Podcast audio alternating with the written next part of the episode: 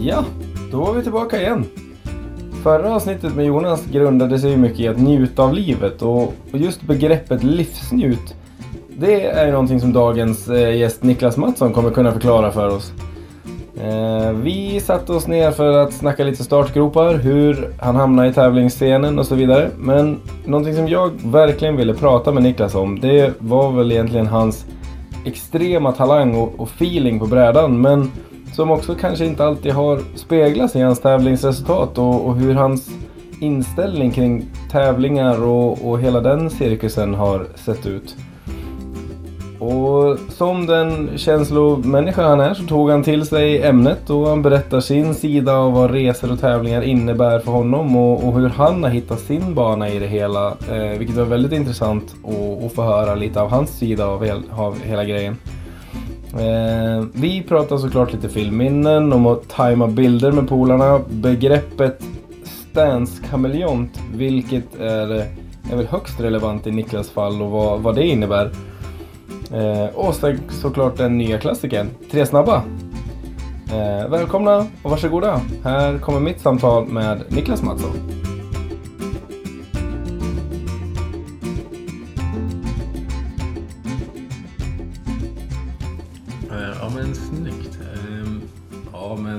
Fasen, eh, vi säger väl, eh, vi säger väl välkommen. Tackar, tackar. Niklas Mattsson. Kul att vara Det här. var ganska mäktigt att vi lyckas sy ihop den här på en spontan. Ja, verkligen. Ja. ja, det är härligt. Ehm, Det gick, eh, det gick fort men det ska nog bli bra. Mm. Ja, eh, lyckas lura hem det till hemmastudion. Absolut. Vardagsrummet. Vardagsrummet. Vardagsrummet. Ja, vi har ju fått kaffe så då är det lugnt. Då är allting som det ska. Eh, välkommen tillbaka till Åre får vi säga. Det var ju ett tag sedan du var här sist. Ja, visst. Fyra år sedan tror jag. Mm. Och då fick jag inte ens åka. Nej, vi eh, om det innan. Det var ju lite, det var lite risigt. Fick, Ja. sitta på en, fick sitta i brassestol och dricka tvååtta. Ja, två åtta och kika på lite snowboard. Men det var inte fy skam det heller. Nej, mest givna tvååtta någonsin. Får jag, fick jag sitta med bayersk. Ja, exakt. Ja, men och vad, jag menar, vad var det? Färska upp minne på mig lite grann. Vad var det som hade hänt då? Jag minns inte riktigt. Eh, jag tror att det var ett SSS-final. Då, alltså, i Lindvallen tror jag. Och jag kom väl kort där på sista hoppet. Så jag landade väl två meter in på nollen och Mm. rakt på höger hälen. Och Ja, just det. Så kudden fick en smäll. Men tog väl två veckor då så var man tillbaka sen så det var, körde lite laser på det så. Ja, eller hur? Det var klart. Laser är bra grejer. Man Ja. hör ju att det är Star Trek-nivå på det. Liksom. Du, eh, ja men som sagt vi hänger lite i Åre. Var, eh, en par dagar. Var, du är ju uppe med dina livsnjut-boys ju. Jajamän! De har ju eh, fan ockuperat en eh, villa i, i Undersåken. Jajamän! Hur, är- hur, vad, vad, vad är livsnjut? Vad är, liksom, vad är början till det egentligen? För det har man ju liksom sett högt och lågt och man har hängt med de där eh, grabbarna lite grann. Men vad är Exakt. bakgrunden? Bakgrunden? Ja, det här fick jag faktiskt lite återberättat för mig igår kväll. Ja. Eh, för det är ju egentligen Tim och Jonas som skulle kunna svara på det bäst. Men eh, som de förklarade så var det ju ett uttryck som myntades för en herrans massa år sedan. Liksom, och, eh, när liksom livet var gott och det var, var härligt så bara livsnjut! Ja. Eh, liksom, och sen så började de titta upp det där i en svensk ordbok och bara, finns det här ordet? Men nej, men livsnjutare fanns. Men livsnjut fanns inte så då fanns det en ännu större anledning att liksom pusha på det här och Ja inprinta det. Så att har liksom rullat på därifrån och sen de som är med, det är ju liksom ett samlingsord för livsnjutare, det är vi allihopa och Mm. försöka liksom ta vara på den tid vi har här på jorden och bara njuta så mycket vi kan och sprida vår kärlek till de som vi möter. Och, Mm. Eller hur? Ja men Clint, det gör ni ju rätt bra tycker jag. ja, Det är bra stämning i crewet liksom. Ja, men verkligen. Ja men det är, så- det är alltid det. när man- Det är alltid bara, det är samma sak så här. Första gången jag träffade eh, grabbarna nu i år. Då hade jag, det var i sadelliften. Jag stod nere vid sadeln. Står där nere och har, jag hade precis kört fel så det bara vissla om det nere på tummen. just det. Kört för långt höger. Mm. Och det var lite för bra för att jag skulle vika av och jag bara visste att det var för långt höger. Men bara, nej, det får, det får ju bara, det får bära eller brista. Visste att jag kom för långt ner, sen slutade med att jag kom alldeles för långt ner. Eh, men ja, det, det, det löste sig. Men då hade jag ju typ hajkat tillbaka till, eh, till liften, alltså bra länge och var ganska varm. Och liksom, då kommer, kommer boysen ner och bara “Tjena man!” Bara, Då var det bortblåst direkt. Liksom. Ja. Bara, Vad fan, vi är här nu. Hänger vid Lärdchocker. Mäktigt. Det är dags liksom. Ja. Ja, fett. Ja, ja, men vad kul. Det är väl lite roligt att höra var, var det kommer ifrån. Ja, Eh, Men du var... Vart är du ifrån från början? Vart växte du upp någonstans? eh, född och uppvuxen i Sundsvall. I ett område som heter Bydalen. Mm. Eh, Så ett fint område, lugnt, stilla, nära till skog. En fin allmänning där vi härjar på med brorsorna. Åkte bräda och ständigt ute och bara Mm. var aktiv. Ja, snyggt. Var van att vara ute liksom. Mm. Var, och brorsorna har ju, har ju liksom, eh, vad ska man säga, alla som känner dig vet ju att eh, brorsorna kanske har spelat en ganska stor del i, i liksom snowboardstigen också, i livet i stort säkert. Hur har det- Vad har, vad har brorsorna och, och den delen betytt för dig? Liksom? Eh, otroligt mycket. Eh, jag är så otroligt glad att de lät mig få vara med. Som så liten sladdis som jag var. Mm. Att jag faktiskt fick vara med och ta del av, av deras eh, umgänge och att de ville lära mig allt som de har lärt mig. Mm. Eh, Hur mycket och skiljer det? Mellan mig och Jonas är det... Nu måste jag tänka. är det fem och så är det sju mellan mig och Danne. Ja. Precis så är det. Ah, så att, ehm, ja, fantastisk uppväxt med dem och har för evigt varit mina stora förebilder och det är ju en sak som är med snowboarden också. Jag, min snowboardvärld var ju väldigt liten som Mm. liten. Ah, det var ju mina brorsor fram tills att jag började ett gymnasium. Så var det det som var min snowboardvärld. Jag hade ingen koll på någon åkare. Utan Nej. för mig var liksom snowboard, det var mina bröder och Erik Nygård och Hans Ja. Ahlström såklart hemifrån. Ja, men det behövdes inte mer. Nej. Det var de som behövdes för att liksom Mm. peppa mig. Så att, Vad är vi på för år nu? När är du född? 92 är jag född. Ja. Eh, första kontakten hade jag väl 97 eller 5. Mm. Snyggt. Vad, hur, hur kom det sig att du liksom hamnade i snowboardspåret då? Var det brorsorna som ledde in dig där? Det var lite så. Jag började åka skidor när jag var tre. eh, och ja, fick åka där på sidan av då och titta på när brorsan åkte bräda liksom. Ja. Eh, och, men jag ska inte säga att jag liksom var så här, jag sögs nog inte in då utan, men sen var det väl lite brorsan jag bara, men du måste testa bräda liksom. Eh, jag bara, ja det måste jag för att det ser utmanande ut. Och de bara, vadå det är coolt. Ja. Jag bara, men, ja, det är det säkert också. Eller det är det ju. Men jag tycker att det, det, det som hookar mig är att det ser väldigt, väldigt svårt ut. Och jag älskar att utmana mig själv. Så att det var det som fick mig in på det. Och ja, när jag var fem så var vi i Hassela. Vi var alltid där på sportloven. Så då fick jag Mm. hyra första brädan där. Och började på med farsan då. Eh, som, ja, det där var ett verbalt krig i två timmar tror jag. Det var så här, han har aldrig stått på en bräda. Han ska lära ut mig att åka snowboard på skidor. Så att det var så här, ja, stod bara skrek varandra i två timmar. Åkte ner, käkade lunch. Brorsorna kom tillbaka från parken och frågade hur det gick. Och pappa bara, du ska fråga inte ens. Nej. Eh, Så Jonas sa det, men jag tar honom farsan, ta det lugnt, sätt Mm. dig ner. Och ja, en timme med brorsan så då stod man där. Ja, Åkte höger, snyggt. vänster, rakt ner och bara... Sen var det klart. Sen var man där. In i svängen. Ja, in i svängen ja. ja. Du är fortfarande ganska inne i den. Mm. Ja men eh, fan vad cleant då. Minns du vad det var liksom, hur, hur eh, är det den klassiska julklappen eller hur fick du första, första egna brädan? Det var nog en julklapp. Det var den det? här klassiska. Och- Känns som det är så många som har gått den vägen. Ja, precis. Eh, och sen efter det så tror jag att jag började ärva bara. Mm. För brorsorna hade ju, var ju nytt varenda säsong så Mm. då fanns det mycket på lager som man kunde ta liksom. Såklart. Men första det var en julklapp det. Minns du vad det var för något? Ja, det där är en rolig historia också. Det där har jag fått återberätta för ett år sedan. Alltså, jag, var stensäker på ja, min första bräda det var en hang loose-bräda. Ja. Men det var det inte. Nej. Det var ju såklart en Burton-bräda. Ja. Eh, Men det var en stomping pad i mitten så den täckte ju över logotypen Ja, där. Sen var den okej. ganska diskret under. Jag tror den bara var helt svart. Det är säkert något litet Burton-märke där. Men Ja. det som var att en stor hang loose-skruva på nosen. Så jag bara, jag har en bräda som ingen annan har. Ja. Och det var så coolt. Och sen när jag fick det återberättat att det var en Burton förra året så bara... Brast alltihopa. Den var inte så unik. Det var inte så unik. Men ja, det, Ja, roligt minne. Ja, ja kul. Ja, det är så sjukt när man får såna här grejer återberättade. För det kan bli så jäkla, det kan ställas på huvudet så jäkla hårt liksom. Så Ja. så man har en klar bild av någonting. Ja, verkligen. Ja, ja, verkligen.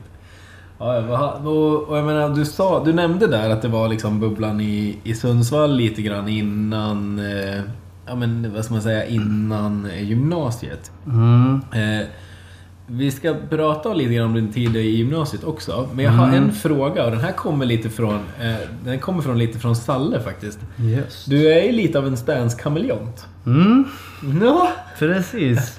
Vad, jag menar, är det, är det sant att du tog en paus från åkningen ett tag innan Malung och, och liksom hade ett litet break och sen när du började åka igen så monterade du, du är ju liksom regular från början. eller? Precis. Men monterade upp Goofy när du väl skulle liksom kicka igång igen, stämmer det? Det stämmer. Eh, och sen ska vi se, lägga till där att det var ju liksom lite grann uh, Jon Olsson-eran. Mm. Och jag började åka freeski. Mm. Ångrar jag hårt idag. Nu har du erkänt det. Jag har erkänt det för. Nej, men så började det. eh, Så det måste ju ha varit eh, ja, i två år då, eh, som jag åkte skidor. Men andra året så började jag kombinera lite grann det där för att jag ville väl någonstans se vad, vilket ger mest frihet och vad kan jag utmana mig mest liksom. Mm. Och till slut så fick det såklart bli snowboard. Det Ja. kände man ju ganska snabbt. Och Mm. sen var det lite grann med mamma och pappa också som bara Du måste välja nu. Det blir lite dyrt att åka både skidor och snowboard. Ja, just det. Så jag bara, ja men snowboard då. Då kör vi. Mm. Eh, Så det blev det och sen när jag, då gick jag över direkt helt på snowboard så bara, men då är det väl dags att utmana sig då. Ja. Nu ska jag åka goofy och jag ska fastän bli lika duktig goofy som regular. Och, för det där var redan från eh, unga år när jag spelade fotboll också. Jag skulle bli lika bra med vänstern som högern. Ja, Och vilket jag till slut blev nästan mer vänsterfotad än högerfotad. all right. Fast du var typ högerfotad från början. Mm, precis. Ja. Ja, spännande. Mm. Eh, ja, det är ju en förmåga att utmana sig själv, att inte vara liksom bara kvar i den här mysiga komfortzonen. Liksom. Mm, precis. Jag gillar ju den ja. Ja, det gör det. Det är därför jag pratar om snowboard, jag inte gör det ni gör.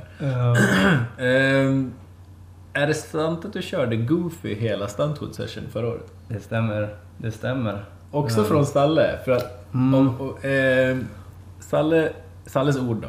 Han, han säger det, bara, nej men det var ingen som tänkte på det under dagen. Men sen såg han någon bild sen, bara typ dagen efter eller något. Han bara, men du är ju... Har du, har du åkt Goofy hela dagen? Ja men precis. Uh, ja, men så var det. Och jag eh, ansåg att Stuntwood är ju det optimala eventet att eh, jobba på de här små detaljerna Ja. i switchåkning eftersom det är så otroligt konstiga features och utmanande features på vissa saker. Så att där är det perfekt att bara Ja. lära sig och köra bump, pump tracks och Ja. allt möjligt liksom. Och, så så för, fick det bli så. Snyggt! Ja, det är ju jäkligt bra alltså. eh, Det finns ju en till som har gjort det här i, i, i liksom den, eh, vad ska man säga, våran krets av snowboard egentligen. Det är ju Andreas Jakobsson. Han drog ju den klassiken också. Han skulle, bestämde ju sig också för att han skulle bli bättre på att åka switch. Så han Mm. monterade ju också om och bara körde switch ett tag. Ja Liksom. precis. Det var väl i den här, vet, Switchback 7 eh, världscup-eran liksom. Ah. typ. Ja, mäktigt. Och, och har man inte, det kan jag ju säga, har man inte, har man inte hört det avsnittet så pratar ju, Salle vi pratar om är Joakim Salberg. Mm, finns ju som avsnitt eh, tidigare i, i podden, så där kan man ju lyssna bak om man vill. Då pratar ju han lite mer om också. Exakt. Vad, du, vilket, har du något håll som du är mer bekväm åt i olika situationer eller? Uh, det skulle jag egentligen... Alltså generellt så det mesta klarar jag lika bra. Alltså svänga, köra fort spelar ingen roll liksom. Sen är det typ pipe. Där Ja. kan det... Där känner jag backside hittar, där är det, det är svårt switch alltså. Ja. Än idag. Eh, men sen åker man ju för lite pipe också. Man måste Mm. få mer pipe i Sverige nu. Ja. Eh, men eh, det är någonting som man känner där ser man skillnad direkt. Carvet har gjort eh, comeback då. Då kanske, Mm. kanske Pipen gör comeback Ja men snart det också. får vi hoppas, det får vi verkligen hoppas. Ja, det är tekniskt utmanande om något. det. Men Har du- sen är det så här, med åren så är det så här, jag, jag eh, guinea piggar ju allt switch. Så Mm. långt har det gått att jag känner mig mer bekväm att göra en switch straighter än en vanlig. Så att jag vet inte vad jag ska kalla mig riktigt. Så här. Alla på touren och alla domare frågar ju varje gång bara, vad, hur ska vi bedöma Niklas idag då? Är han goof eller är han regular? jag bara, men jag är, jag är ju regular från början. Sen, ja, så Ja. är det ju. Ja, Jag kan inte byta nu men nej, eller hur? man blir lite så här bara, men han kör ju switch från början liksom. Ja. Eh, Salle höll på att propsa på att vi vill att, vi ska, vill att du ska köra banked eh, i gränsen åt båda håll så vi kan jämföra tiderna. Ja, det, absolut. Så i år så ska jag verkligen upp. Det har blivit två år nu som jag inte har tagit mig upp. Eh, och sen så när jag väl var uppe så sist så var det mest bara första gången i gränsen så det var så här, men jag får Mm. bara uppleva Ja. äventyret där uppe och Ja. bara åka. Så att, men i år så tänker jag att jag, nu ska jag fasen köra Bankton också. Ja, men clean. Absolut, det kan, det kan ske att det blir åt båda håll där alltså. Snyggt. Ja, då måste vi få någon form av timing på det Ja, här. Alltså, ja, det, här ska eller vi, det här ska vi komma ihåg. ja, snyggt. Eh, då, men eh, snowboardgymnasiet kom ju ganska kvickt in på där sen då, antar jag. Mm. Eh, hur, hur gick det liksom fram till att bli antagen? Hur bestämde du dig för att liksom gå snowboardgymnasiet? Liksom? Ja, det var också en sån här grej för jag hade ingen koll på att... eh, Jag visste Vännäs fanns. Mm. Men det kom också ganska sent in i bilden för mina, min tanke var att ja, men hotell, restaurang i Åre Ja. eller någonting i Åre Mm. eller Östersund, någonstans. Bara för att ha nära till snowboard. Men jag, jag hade liksom inte ens tankar på att det fanns snowboardgymnasium. Men då kom Vännäs upp som ett alternativ så då hade jag det på listan. Mm. Sen tror jag det var sista veckan som jag hade chans att skicka in då våra ansökningar och då var det syokonsulenten som sa men det finns ju ett riksgymnasium i Malung. Mm. Det kanske vore någonting. Så då, ja, ett möte med mamma och pappa och ringde ner då till Per var det och då var de i Fe Mm. eh, just då. Och berättade lite grann om hur det är där och allt, hur allting går till och att eh, det skulle vara som en audition då en helg. Där vi skulle bli eh, satt på prov. Mm. Eh, både pipe och slalom och allting. Ja men det blir väl jättebra liksom. Mm. Det är klart vi ska testa. Så då åkte vi ner men eh, det var en ren mardröm. Alltså. För menagen Niklas Mattsson, oj oj oj. Ja. Men du vet på den tiden åkte man med 21-21. Ja. Var Been there. Ja men du vet, Ja. JP Solberg. Ja, ja, ja. 70 brett. Ja. En forum manual. Yes. Inga kanter. Nej, slut bara. Ja, helt slut. Ja. Första som är liksom så här, brantaste backen i Kläppen och vi ska köra käppar. Jag bara... Kommer ner du vet, för tre åk på röven förbi Per och bara sneglar upp och han bara masserar. Bara, Vad är det här för dåre liksom? Ja. Jag kan inte åka. Och jag bara... Ja men det är bara att bita ihop, köra nästa grej liksom. Ja, Ja. Då skulle vi in i pipen. Då bara, det är samma sak där. Inga kanter och du vet hur det är. Det är Ja. alltid isigt i en pipe. Det, det är ju det av en anledning. säga. Där kan man ju snacka liksom eh, hur, ja, men hur man går åt helt det andra hållet ifrån liksom, pudersvängen. Så i, I pipen ska det vara bara blockis liksom. Precis. Ja, förlåt. ja men du vet, en tredjedel upp av vallen kanske. Sen, sen Ja. låg man där på ryggen i mitten och bara Mm.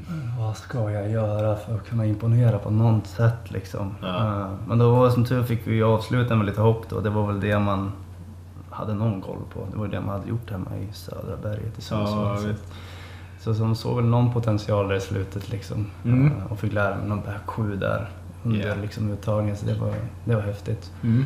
Men sen har jag fått höra när jag har gått ut att det var på det berömda håret att du kom in. Jag var verkligen sist in och det var nästan så att en annan skulle få ta platsen. Men otroligt Mm. tacksam för, för den antagningen och den tiden jag fick där. Mm. Ja, den ångrar de ju inte idag, det tror jag inte. Ja, jag får hoppas. Ja, ja, fett då. Eh, känslan när du fick den antagningen då? Ja, men det var ju fantastiskt. Uh, och veta att så här, fyra år framöver så kommer jag få ägna mig åt det jag älskar och, och få vara i en park som inte är lik någon annan. Liksom. Det är ju dreamland liksom. Mm. Nu är det bara att ta chansen och lägga all tid jag bara kan på, på snowboard och bli så duktig jag bara kan. Ja. Så det var det jag gjorde. ja. Och hur, jag menar, hur är det? Du har ju naturligtvis ganska mycket erfarenhet av det här nu genom att du har gått igenom den alltså, bana du har, där du är idag liksom. Hur, vad, hur skulle du beskriva liksom, eh, utvecklingen genom att träna med coacher och ha någon som står och tittar på dig och analyserar med videos och grejer kontra att bara åka snowboard och liksom pusha sig själv? Liksom? Eh, för mig så var det... Början var väldigt bra med att ha Pontus och Per där och de här grunderna. Att, du vet allt från stansdagar och eh, övningar, carvingövningar och allt sånt där. De, det har liksom lite grann försvunnit på skolan nu tycker jag. Men det var så här, vi körde mycket olika övningar. Popövningar där man fick starta från en punkt. Sen fick man liksom flytta ner för att lära sig de här grundpelarna för att kunna vara en freestyleåkare. Ja. Eh, Så det där tycker jag var en otroligt viktig grej. Men sen när det kom till trick så vart jag väldigt snabbt bestämt mig att jag valde snowboard för en anledning. Mm. Det var för att det var en individuell sport. Ja. Och det finns ingen annan som vet bättre än jag själv kring min egen åkning. Ja. Så att jag byggde snabbt upp en, en analytisk sida och ville styra allting själv. Eh, Så att jag var väldigt, väldigt mycket min egna coach under malningstiden och det här märkte både Per och Pontus väldigt fort. Hur jag liksom stod och gick igenom allting för mig själv och så fort de hade en synpunkt så var jag där och liksom Mm. sa direkt bara, och de, vad de skulle säga, stoppa ord i mun på dem. Ja. Så att de såg så här, ah, men den här killen kanske inte behöver så mycket hjälp Mm. egentligen. Och, ja, så att det blev... Så jag använde dem i början men sen var jag mycket för mig själv och bara...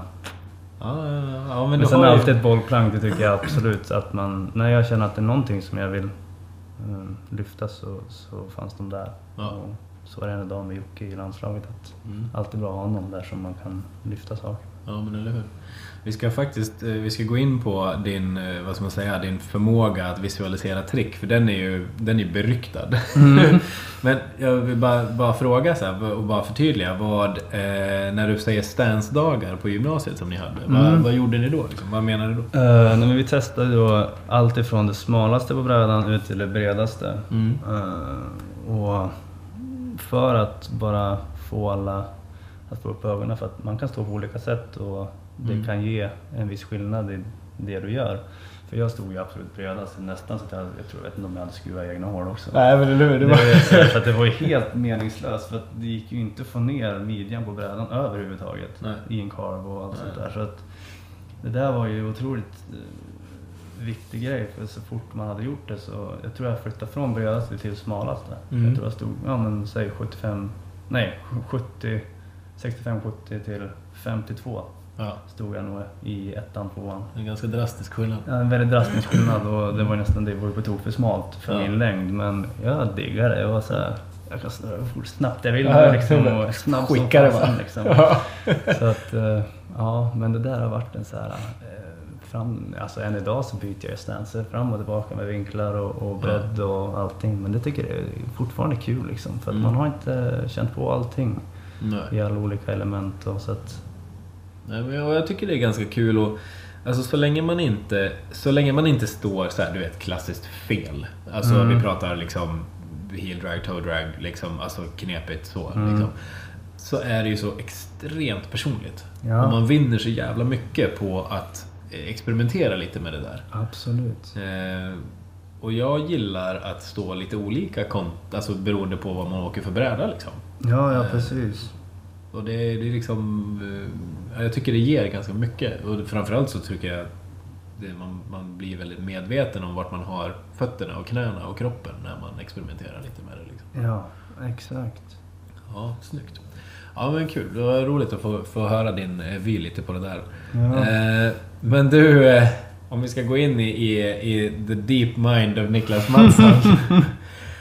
Vad, det, som sagt, eh, som jag nämnde, din förmåga att visualisera trick och kanske framförallt kunna översätta dem till liksom fysiken. Alltså att du faktiskt kan sätta rörelser på, på riktigt på det du visualiserar. Liksom. Mm. Eh, berätta liksom om tankebanan när du står inför något nytt.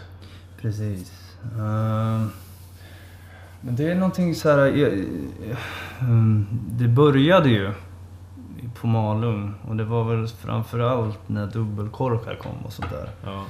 Och det här minns jag så starkt. Det var en dag som jag bara var i backen och eh, jag såg Adam Granqvist Ja. och Halldor Ja. Stå och snacka så här nere i botten om att de bara "Men om jag testar det här nya tricket så testar du det här. Och så man hörde inte riktigt vad de menade, liksom, vad de sa. Mm. Men så här, de hade väl något vadslag. Om den som bangar den kommer få ett straff. Liksom. ja. Och så bara såg man dem åka upp. Eh, och man såg så här, tio åk på rad. Adam gjorde en enkel frontflip, om det var switch frontflip tror jag. Mm. Och Halldor gjorde någon underflip så här flera gånger och bara, men okej. Och sen kanske var elfte åket så droppade Adam in och gör en dubbel switch, dubbel frontflip. Mm. Man bara wow! Liksom, Ja. Det var inte många som gjorde det på den tiden. Så här, dubbel frontflip. Det var Tobias Karlsson som jag hade sett göra Ja. det som var Det är kungen dubbel wild då. Det är Ja. fortfarande ganska stökigt trick liksom. Precis. Ja. Och sen var det Halldors tur som droppade in och jag bara, ja, men vad ska han lägga till på det här liksom? Gör en underflip och sen bara viker in huvudet i en till switch kork 5 och man bara tänker när han är upp och ner i andra där bara, det här kom, jag ringer 112 direkt, det här kommer inte gå. Uh. Liksom, man hade aldrig sett tricket förut och, man bara, och så landade han och det bara blev, allting bara stannade upp i kläppen och man bara vad var det som hände liksom? Och man hör Halle bara Yeah! Oh my god, vad är det som händer? Man bara Sjukt. Och sen då släppte liften och bara åkte ner och tittade på klippet och sen bara Det där tricket måste jag lära mig liksom. Ja. Och det var någonstans där som den riktiga visualiseringen kom in. Liksom, att den här mentala biten och hur mycket den egentligen, hur viktig den är för att manifestera någonting i den riktiga världen. Liksom. Ja. Har man inte det mentala där så blir det så mycket svårare. Liksom. Mm. Och, så att eh, man går igenom tricket från grunden liksom. Avhopp, eh, in i första korken där och andra, hur vart man ska titta, hur vart, vilka ställen jag ska spotta det här tricket liksom. Eh, en, två, tre gånger kanske till och med i vissa fall.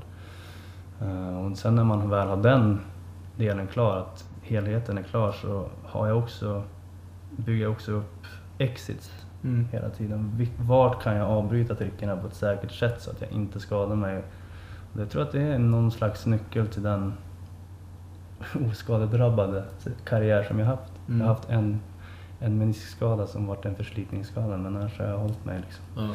Och, men det där är, tycker jag är en viktig del, liksom, att alltid tänka exits också. Inte bara tänka att tricket i helhet att jag ska sätta utan man Vart bra bailar jag ut utgången. liksom? Ja, Ja. För att inte landa på ryggen eller landa på huvudet. Liksom. Ja.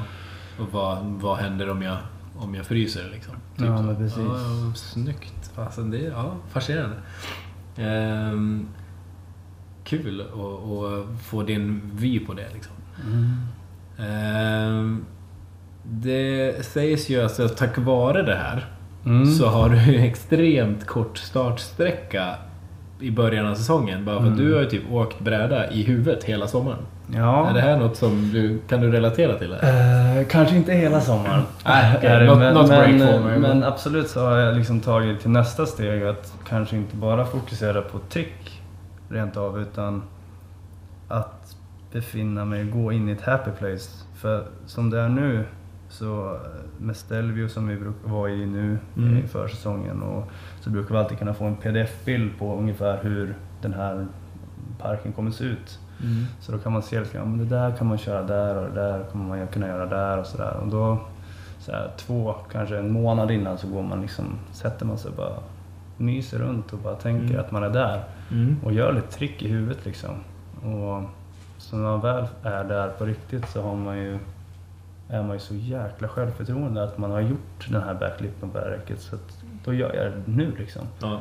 Att, så det är väl nästa steg, att liksom kunna befinna sig på ett ställe som man inte är.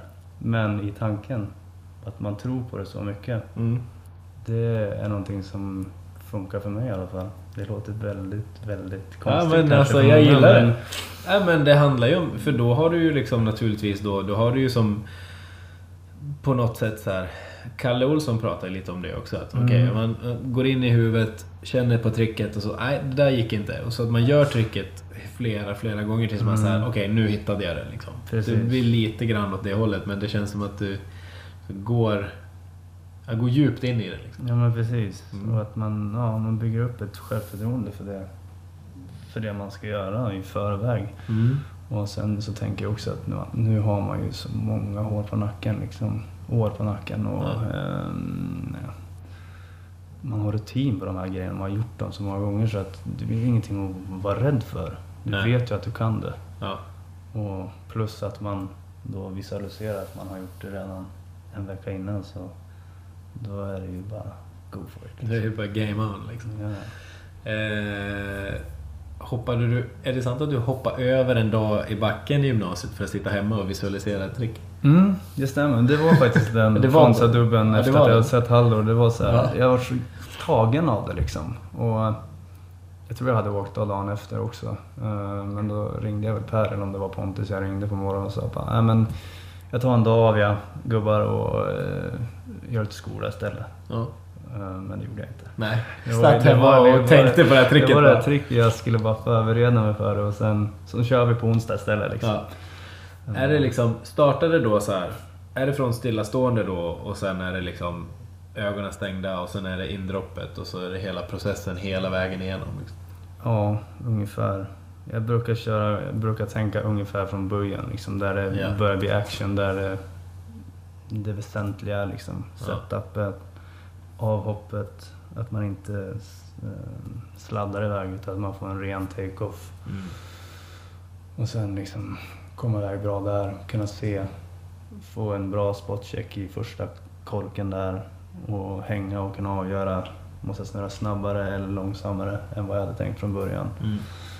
Och sen gå in i nästa och sen hålla kvar blicken där igen då liksom. Och det sista liksom metrarna om det är att hänga lite, hänga lite med en, en skifte där eller om det bara är att slänga runt den direkt liksom. Ja.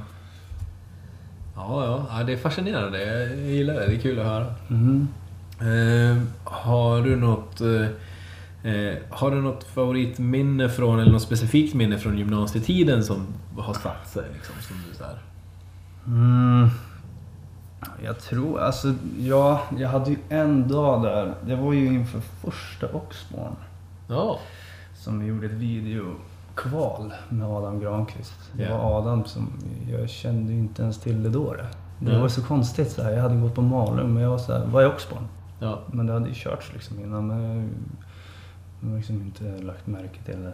Fast det bara var en timme ifrån där jag bor. Liksom. ganska nära. Liksom. Ja, eh, nej men det är en tävling uppe i Tannedalen och de kör ett videokval nu så jag tänkte, ska jag filma det så kan du kvala in. Jag bara, okej. Ja, all right. Och fick en så här, du vet, odödlighetsdag. Ja. Jag bara lärde mig switchbacks dubbel, backs är dubbel, fick jag in, fronts är dubbel, cav dubbel 10. Och liksom så här, wow. Bra dag. Ja. Så det var så här när de skickade in den och bara, vad är det här för dude? Ja. Det var i samband med Nisse också hade gjort sin XY-grej där. Ja, Han ja. bara, har du sett eh, Nisse så här? Och bara, men vadå har ni sett Niklas då? Ja. Och så att eh, Oxfam bara, "Och han hade ju inte ens behövt kvala. Nej. jag hade bara kunnat ringt. Nej men det var så starkt minne så att, så jäkla odödlighetsdag, eller ja, och, och sen få vara med och, och det gick ju bra det året också. Mm. Vann tror jag technical det året. Och, Ja. Det var häftigt att få vara en del av den showen. Ja. Det, det var en show som ingen annan gjort i Sverige förut. Liksom. Ja, eller hur? Tycker jag. Coolt.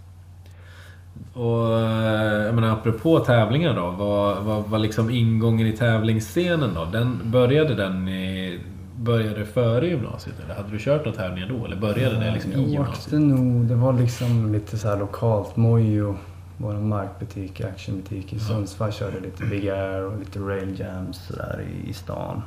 Så det var väl det första egentligen som jag gjorde. Eh, och det fick jag väl upp, då, då jag fick upp ögonen för att jag är ganska duktig på, på det här liksom. Mm. Kommer jag var Big Airen där uppe i södra och jag, jag tror jag, jag mötte ju både Newgård och Hampus och de gjorde ju cab och frontanier. Nej men. Och jag vet, jag hade lärt mig någon Jag hade lärt mig Bags Rodeo på en sån här spine nedanför det där hoppet Mm. veckan innan. Så bara, nu ska jag ta det till ett stort hopp liksom. Och skickar iväg alldeles för hårt liksom. Oh. Men lyckas då av kattigheten liksom stanna upp den och landa den perfekt. Men lyckas knäcka brädan. Det här var en Ride Ja, DH-bräda. den var ganska mjuk. Mm, den var väldigt mjuk. Ja. Så jag knäckte den från nos till tail på längden. Va? Mitt på bara. Tjoff! Hur är det bara, möjligt? men det var ju så här 50 åker. Jag bara, jag måste Ja. fortsätta liksom. Ja.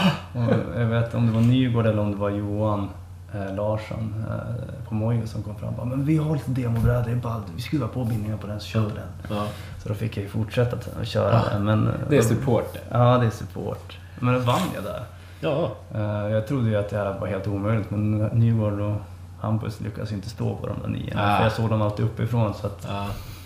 så det var lite roligt. Det var så här, ja, men då fortsätter vi. Då vart det så här Dragon Free Ring Circus i Mm, och sådana där tävlingar som man körde. Um, Men sen var det väl första liksom internationellt, då var det någon rookiefest där. Om det var första året eller om det var andra året på gymnasiet. Det var nog andra. Mm.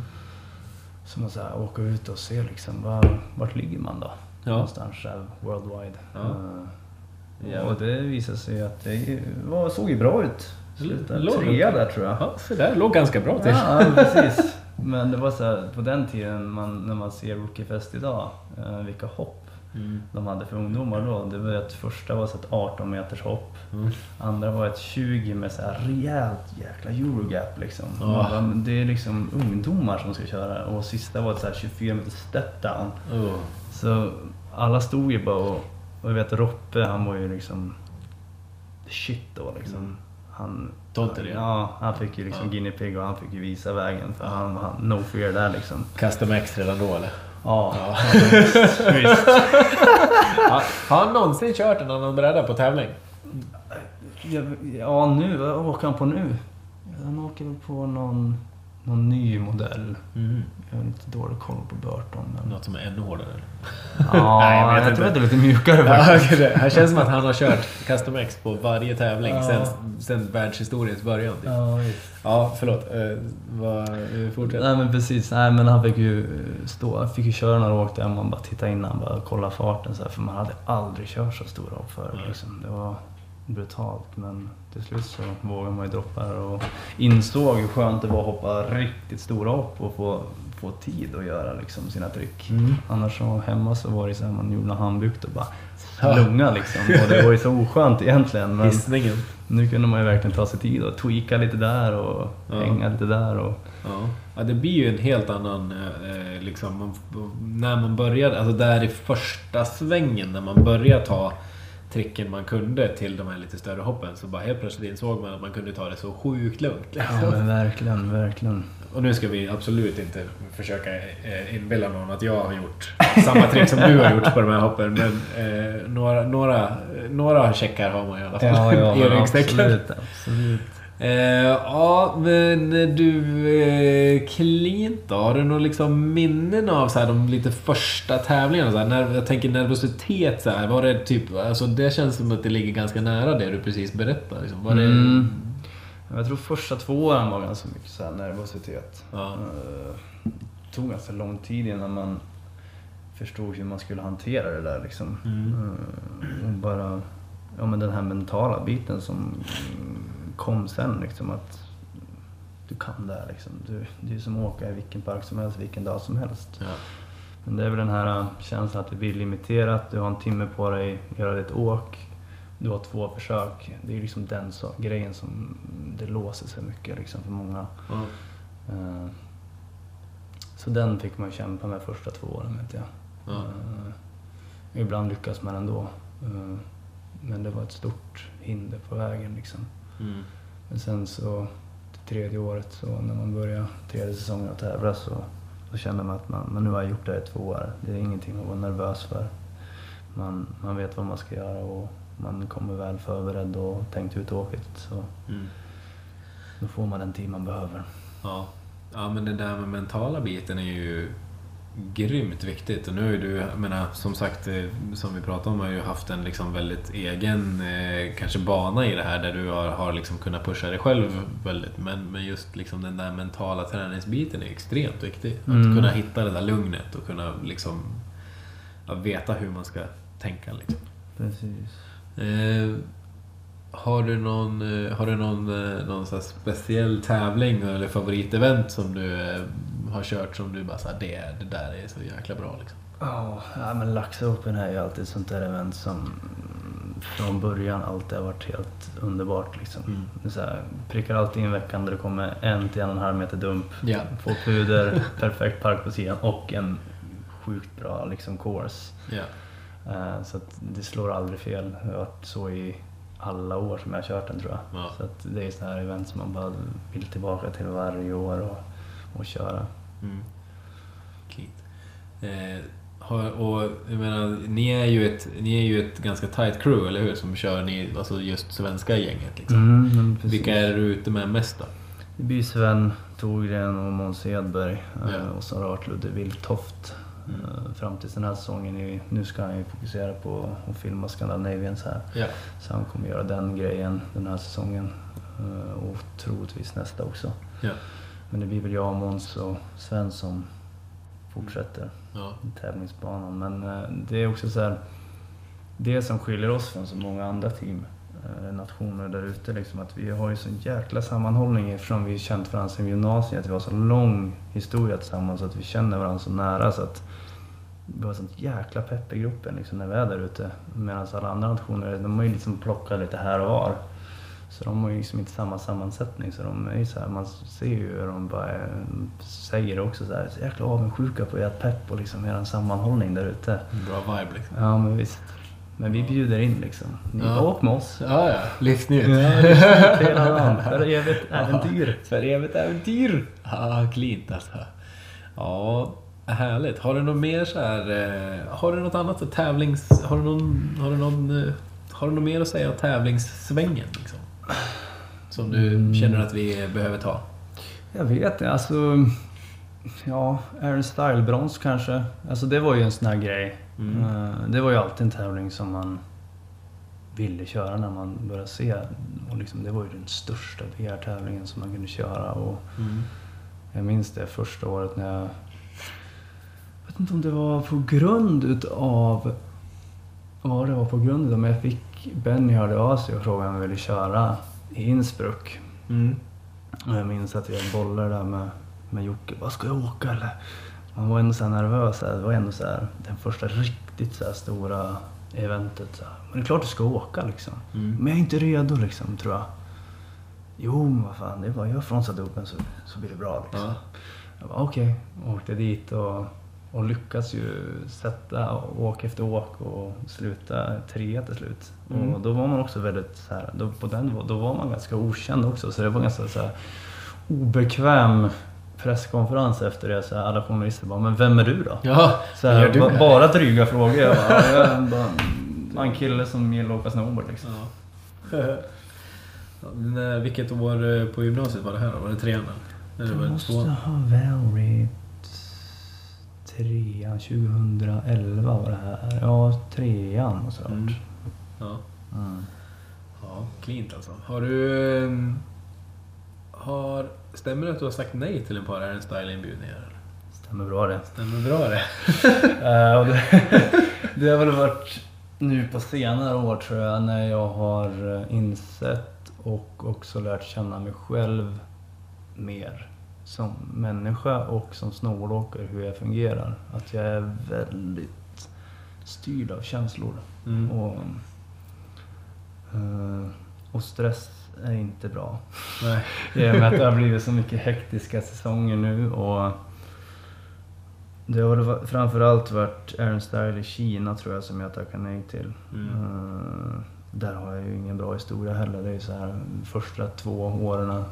Först blev jag bestulen på telefonen. Andra Mm. året blev jag bestulen av en svart taxichaufför på telefonen igen, så två år i rad. Så jag bara, men jag orkar inte åka tillbaka och bli bestulen en gång till. Tredje telefon. Nej, och så, ja, Pe- Peking är lite sådär också. Det är inte den roligaste staden att vara i. Sådär. Men själva eventet är ju underbart. eh, Men det var väl bara att man, nej, jag orkar inte åka till Kina just nu liksom. Och, och ja, man kände inte att jag var redo heller. Nej. Rent mentalt. Jag, vill, jag behövde någonting annat för stunden och Mm. peppa igång inför kommande tävlingar liksom. Ja. Jo, jag menar om man har lärt känna sig själv på det, på det sättet, om man känner det, jo men då blir det naturligtvis svårt att, att liksom plugga in då, kan jag tänka mig. Ja men precis, att man, man vill inte heller bryta ett mönster som man själv har byggt upp och liksom har hittat nu. Liksom att, nej men shit, jag, jag vill köra en tävling, sen kanske jag vill ha ett avbrott på en vecka. Mm. Skit i snowboard helt, Mm. även om jag älskar det. Men jag vill fylla det med, med andra saker som jag värderar högt. Eller Mm. kanske högre. Framförallt familjen. Eh, Ja. För den har, har jag liksom kommit ifrån ganska mycket. Ganska Mm. tidigt. Liksom 15 år flyttade jag till Malung, var där i fyra år. Och sen ner till Bollnäs nu i fyra år. Nu är Mm. jag tillbaka i Sundsvall ändå. Men, eh, och det är jag glad för, för att få ta tillbaka lite tid. Men det, också liksom själva snowboardlivet. Man är ute på resor hela tiden. Och men det är viktigt med den delen för mig, att få min tid med min mor och far och Mm. nära och kära. Så att den delen har jag försökt jobba in mer och haft en öppen diskussion med Jocke också att i landslaget att jag, jag behöver ett individuellt schema för att det ska fungera. Mm. Och, och jag hoppas att ni kan respektera det och att vi kan hitta en lösning på det och det har vi gjort. Ja. Eh, och, Men det är grymt. Mm, Det är ju, och det är ju svingrymt av dem att de kan liksom se att du fungerar som, som bäst efter dina, eh, vad ska man säga, eh, efter de kriterierna liksom. Och att de då Mm. ger dig de, de förutsättningarna. Liksom. ja men precis. Eh, om vi ska gå lite på, på känslospåret då. Vad vi, eh, jag, eh, jag, har ett, jag har ett ord skrivet här på min lilla skärm som det står kontraproduktiv på. Ja! uh, nej men alltså skämt åsido, fan. Du är ju... Det, det är ingen, eh, varken hemlighet eller, eller eh, liksom någonting annat, att du är ju extremt talangfull. Alltså, du har ju sån feeling i din åkning. Man kollar, man ser dig åka så blir man ju liksom... Det finns ju ingen som... Alltså det stannar ju upp när du åker snowboard liksom. Wow. Ja men... Ja, men det, ja, ja men det gör ju det. Ja, men du har ju du har ju grym feeling och det är jäkligt kul att se liksom stilmässigt liksom eh, allt det där liksom. Och du är ju, du har ju erkänt eh, en extrem talang. Tack, tack. Eh, ja, det, det är bara ägaren. Mm. Eh, men det var ju också så här, just vi pratade om tävlingar och sådär. Jag menar, alla, alla liksom veta vad som finns där. Men utan att det kanske speglas i resultat alla gånger. Är det det här mental, alltså mentala gamet? Det motivationen liksom? Eller liksom, vad är det som har typ gjort att den här... Nu säger jag inte att du, du förstår vad jag menar. Ja, men, liksom, men vissa, grej, vissa gånger känns det som att fan, du är på sån on fire liksom. Och så Mm. blir det tävlingsdag. Vad, vad händer då liksom? Ja, precis. Eh, Det måste ju vara det, tänker jag. Ja.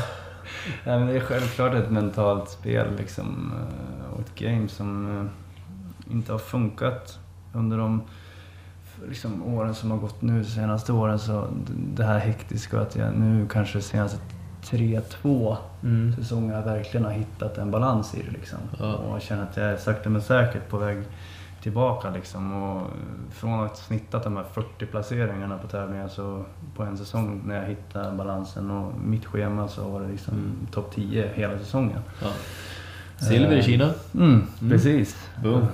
Tackar. Eh, nej men så det, det är absolut det som jag tror inte har stämt överens. Och, men sen nu så är det också mycket så här, små marginaler också. Än idag så kan det också vara så här att man, man känslorna tar över där och liksom Ja, precis. på något sätt till tävlingsdagen så så blev det en dag för mycket kanske. Ja. Och, bara, och det är ju hemskt att, Ja. en, att jag ska behöva styras av det liksom. Och det kanske man kan jobba på. Det, ja. Men eh, då får man kanske bara planera det på ett annat sätt. Att inte köra för mycket de två träningsdagarna utan spara sig så man har det där Mm. riktiga, riktiga goet när det väl gäller. Ja. Ja men det är ju, alltså jag menar framförallt då, det är ju kul att höra om din liksom tankegång. För att det, där har du ju, ja men då har ju du liksom hittat det. Okej, det är det här som inte har stämt.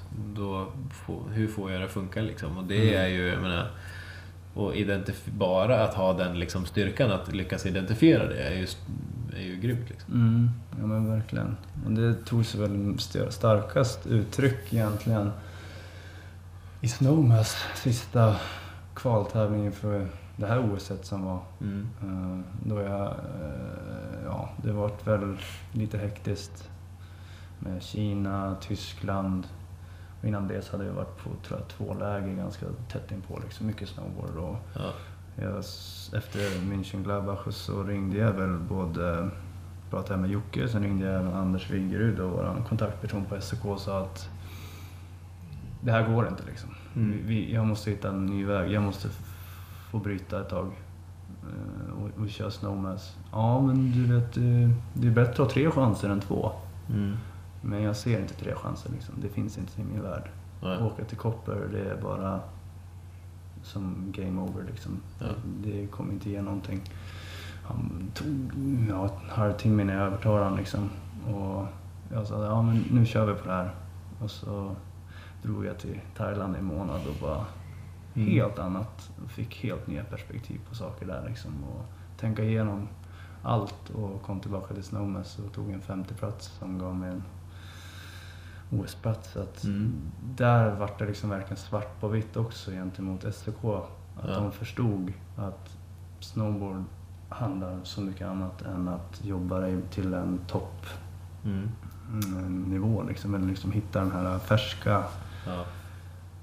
eh, toppformen. Liksom. Ja. mm, Vissa jobbar så, men vissa jobbar också mycket med känslor som mig och tankar. Liksom, som, och det är jag glad att de fick se svart på vitt och att vi nu kan respektera Mm. varandras tänk i allt liksom, och Ja. kan hitta det här schemat för varje säsong. Ja. Ja men eh, häftigt och det handlar ju bara, det är som sagt, det känns som att det handlar så himla mycket om i det läget att, att klara av att hitta sin väg och det tror jag ju kanske att många alltså, har svårt att identifiera så här, vad är det som typ inte funkar liksom. Mm. Det är nog Mm. inte världens enklaste grej kan jag tänka mig. Nej, och man måste ta sig den tiden också tror jag. Ja. Eh, Och många kanske är svårt att göra det. Ja. Och de tänker bara, men jag kör på. Ja. Jo men så vill man det, men- mycket så precis, bara maler på liksom. Mm, precis, och då går, tror jag man gräver sig en egen grav istället. Liksom. Mm. Och det blir ännu tuffare att ta sig tillbaka än att man kanske från början tar reda på kanske om det är vad som kan vara felet. Liksom. Mm. För den mentala biten är viktig Ja, fasen. Ja. ja, men det har du ju bevisat genom att komma tillbaka starkare liksom. Ja, ja men precis. Ja.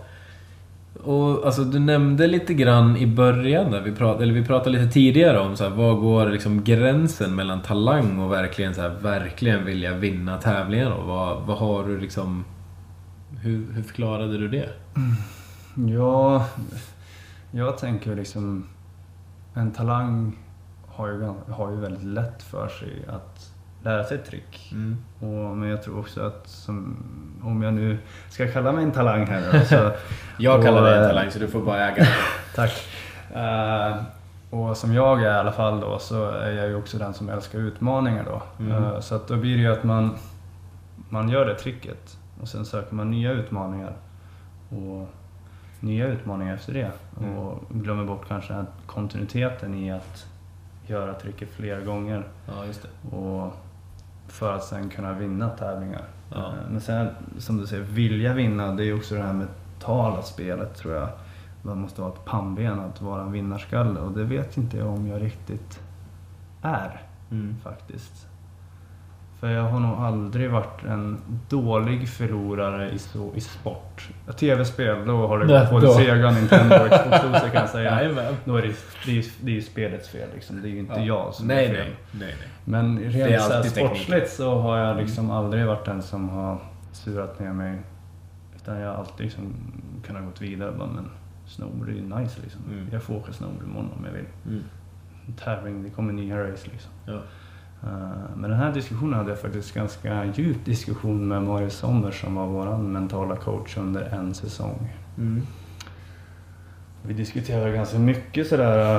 eh, från början var jag också en väldigt så perfektionist. Jag var ju 100% annars kan du bara glömma det. Mm. Och att, liksom, att han fick mig att förstå kanske att men 95, det är tillräckligt det också. Liksom. Och liksom inte tänka, för jag var väldigt mycket så här trick som kunde sitta hur bra som helst. Men det var, "Ah, men tweaken var inte riktigt där. Eller liksom, "Ja, men det ser bra ut Niklas, Ja. gå vidare. Ja. Och sånt där. Och, men sen kom vi också in på det här som Wintian till exempel. Där jag berättade liksom att på något sätt så var jag väl glad när jag vann Wintian. Men Mm. Fasen, jag, jag uppskattade inte den här rampljuset och det som hände liksom. Nej. Och det är väl så här hemskt att tänka på på något sätt. Att det ska man ju göra. Om jag är där så borde jag ju vilja det. Men det är väl så här, det är en thrill att tävla. Det är, det är kul att tävla liksom. Men Mm. man tycker inte om att, att få all cred sen om det går bra. Liksom. Nej. Eh, Så den kan också, tror jag också har varit en, en nackdel för mig med tävlan. Att jag kanske inte har velat vinna tillräckligt mycket. Liksom. Ja. Eh, och, men jag vet inte om det har liksom någonstans byggts upp på grund av att man inte heller kanske har velat vara där heller för stunden. För Nej. att man har inte hade hittat sig själv då heller, hur, hur man ville bygga upp. Men där lyckades jag ändå kanske, fast jag kanske var lite instabil i, i, i mig själv. Ja. Men lyckades väl med all svensk publik och support Ja. lyckas ställa ner de där åkerna. Ja. Eh, Men det är någonting som jag känner skillnad idag, att nu när man har hittat det liksom. eh, Att nu är jag där och jag vill vinna. Ja. Eh, För att, ja, för att jag vill vara där. Ja. Så att, eh, ja. Men nu känns det ju som att du har haft en... Jag menar, och det här kommer ju det här kommer från andra håll också. Att det känns som att du har liksom en ny motivation. Eller det, du liksom, det känns som att du har en ny motivation i tävlings...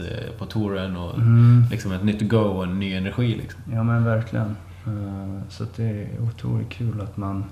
Synd bara att det är vid 26 års ålder som man hittar det. Det tar så lång tid. Men, Ja, ja, men någon, som sagt, det känns som det pikar nu liksom. Mm. Rent mentalt och även åkningen eh, bara går framåt. Så att, eh, Mm. ja, jag är spänd över framtiden och Mm. hoppas att kunna fortsätta så länge man kan. Coolt. Ja, det, det hoppas vi med. Men du, eh, en sak till som är lite intressant. Ska vi fylla på en liten kaffesipp Ja, med... men varför inte? Nej, men varför inte? Vi fyller på en liten kaffesipp. Svart och rivigt. Yes! Ehm, nej men en sak som är lite intressant genom att man går eh, genom att, jag menar, eh, mycket tävlingar och hela den biten, liksom landslaget, touren, eh, liksom. Eh, och att vara, jag menar, ja, ja, men en core snowboardåkare. Ja, Vad, hur är det att balansera ansvaret med landslaget och SOK samtidigt som man vill vara liksom, man vill vara snowboard liksom? Vad, vår, våran kultur och den kulturen krockar ju lite. men lite så gör det ju. Så Hur hanterar du balansen på det här liksom? Det var ju väldigt svårt i början. I och med att någonstans när vi kom här på programmet och sådär så handlar det ju väldigt mycket om att vi skulle skapa ett förtroende för Mm. SOK. Ja. I och med att det gamla landslaget la lite pengar på nöje istället för nytta liksom. Mm. Och då var ju, vi var ju tvungna att visa att men vi vill det här och vi kommer lägga pengar där det behövs läggas pengar liksom. Och vi vill liksom ja, ja, visa oss från vår bästa sida. Ja. jag säga liksom. ja. Eh, så då blev det också med det väldigt mycket att man hela, ja, men då kom man in i det här liksom hektiska, mycket tävlingar och bara bevisa hela tiden för dem liksom.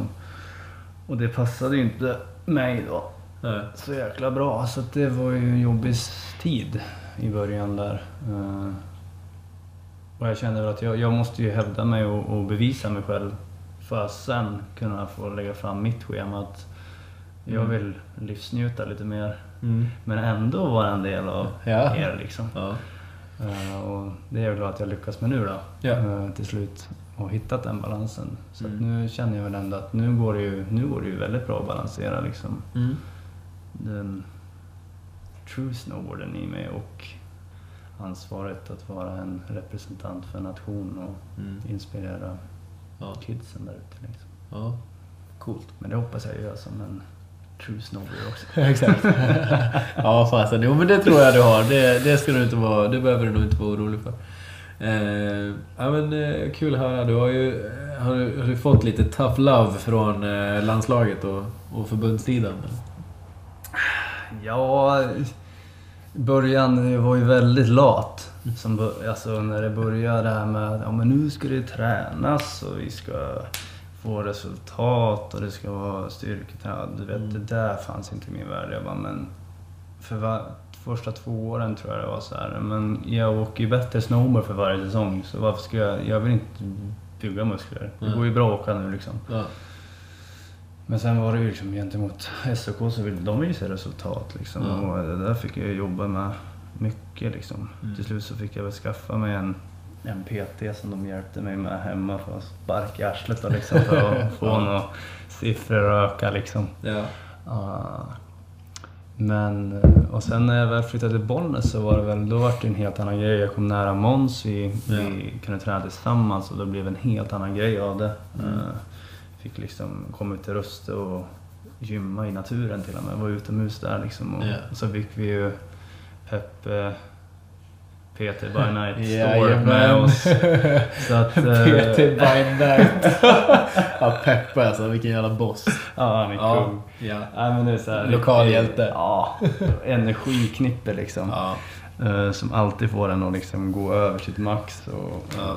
men då insåg man, för då, det gav ju resultat och när resultaten kom så var det också motivation att fortsätta. Mm. Och, och sen när man väl ställde sig på brädan igen den säsongen efter det så var det ju så här Jäklar vad mycket lättare allting är liksom. Mm. Göra en 540, jag behöver inte ta i någonting för man har Nej. jäkla korstyrka nu liksom. Och Ja. allting känns så lätt och ledigt liksom. Ja. Så då var det så här, men ja, det spelar kanske ganska stor roll. Jag kanske skulle ha gjort det här från början också. Mm. Och inte varit så tjurig liksom. Och, Inte vara så jävla true. ja, jag skulle varit så true liksom. Men eh, ja. Men nu, ja, om man hittar den balansen kan man ändå vara true. Men man har ändå Ja, tid exakt. till att, att göra det där också. Ja. Jo, men det kommer ju med...